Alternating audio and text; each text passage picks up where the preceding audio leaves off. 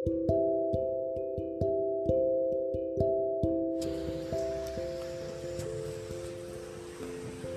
Jogja baru aja diguyur hujan. Tapi aku bukan di kotanya sih. Lebih tepatnya di desanya.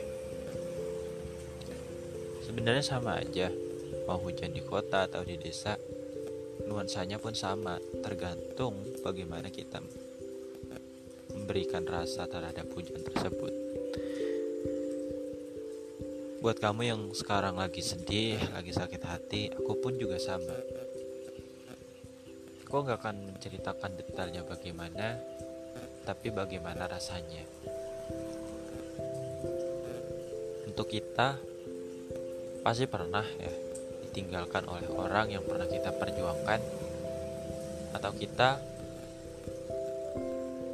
dalam tanda kutip diusir, disuruh pergi menjauh dari kehidupannya meskipun kita masih ingin bersamanya.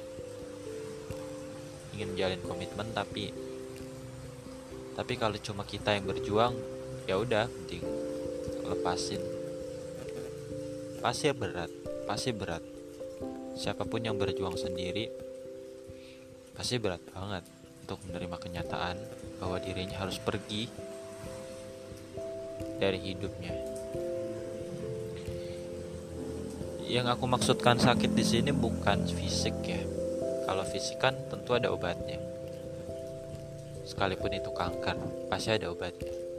Mana ada sih penyakit yang gak ada obatnya? Kalau belum ada, ya cuma kita aja yang belum usaha. Apalagi penyakit hati yang aku bahas di sini. Tentu ada obatnya juga. Tapi untuk penyakit hati ini lebih berat proses penyembuhannya.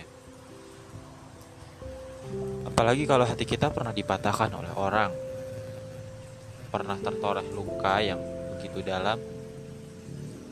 Untuk menyembuhkannya tentu butuh penerimaan diri yang jauh lebih baik, jauh lebih masif.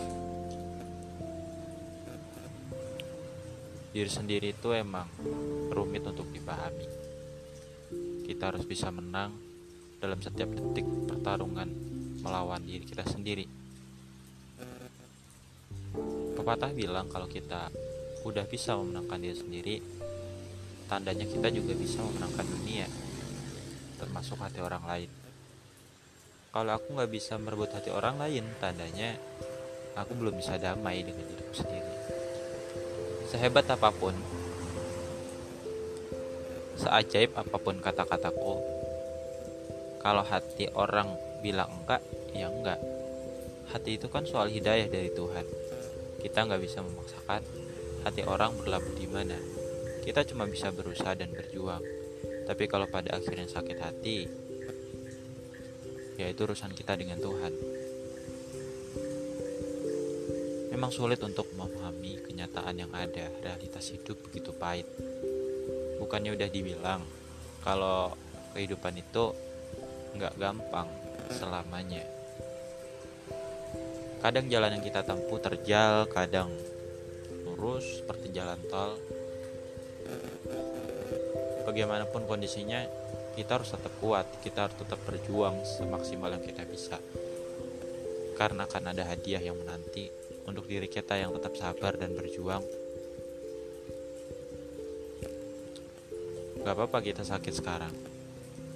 Perlahan sakit itu akan berubah jadi sembuh cepat atau lambat. thank you